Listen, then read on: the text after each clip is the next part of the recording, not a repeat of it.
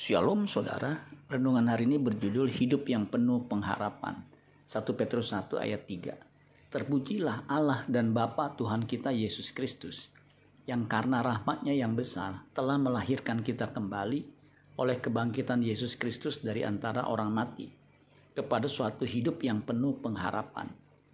Pertanyaan penting, apa itu hidup yang penuh pengharapan? Nabi Yeremia pernah menyampaikan firman Tuhan untuk orang Yahudi yang berada di pembuangan di Babel yang hidup dalam keputusasaan. Yeremia 29 ayat 11. Sebab aku ini mengetahui rancangan-rancangan apa yang ada padaku mengenai kamu.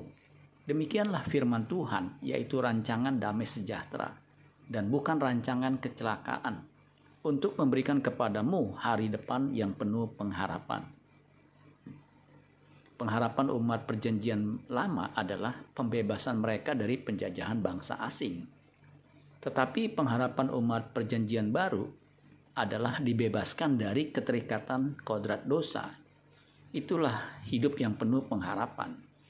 Kehidupan kita yang sesungguhnya adalah bukan di bumi ini, tetapi di langit baru dan bumi yang baru. Hanya orang yang sudah lahir baru yang berkodrat ilahi yang akan tinggal di kerajaannya itu. Jadi proses kelahiran baru adalah satu-satunya proyek yang harus kita kerjakan demi pengharapan kita yang sesungguhnya. 2 Petrus 1 ayat 11. Dengan demikian kepada kamu akan dikaruniakan hak penuh untuk memasuki kerajaan kekal, yaitu kerajaan Tuhan dan juru selamat kita Yesus Kristus. Amin buat firman Tuhan. Tuhan Yesus memberkati. Sola Gracia.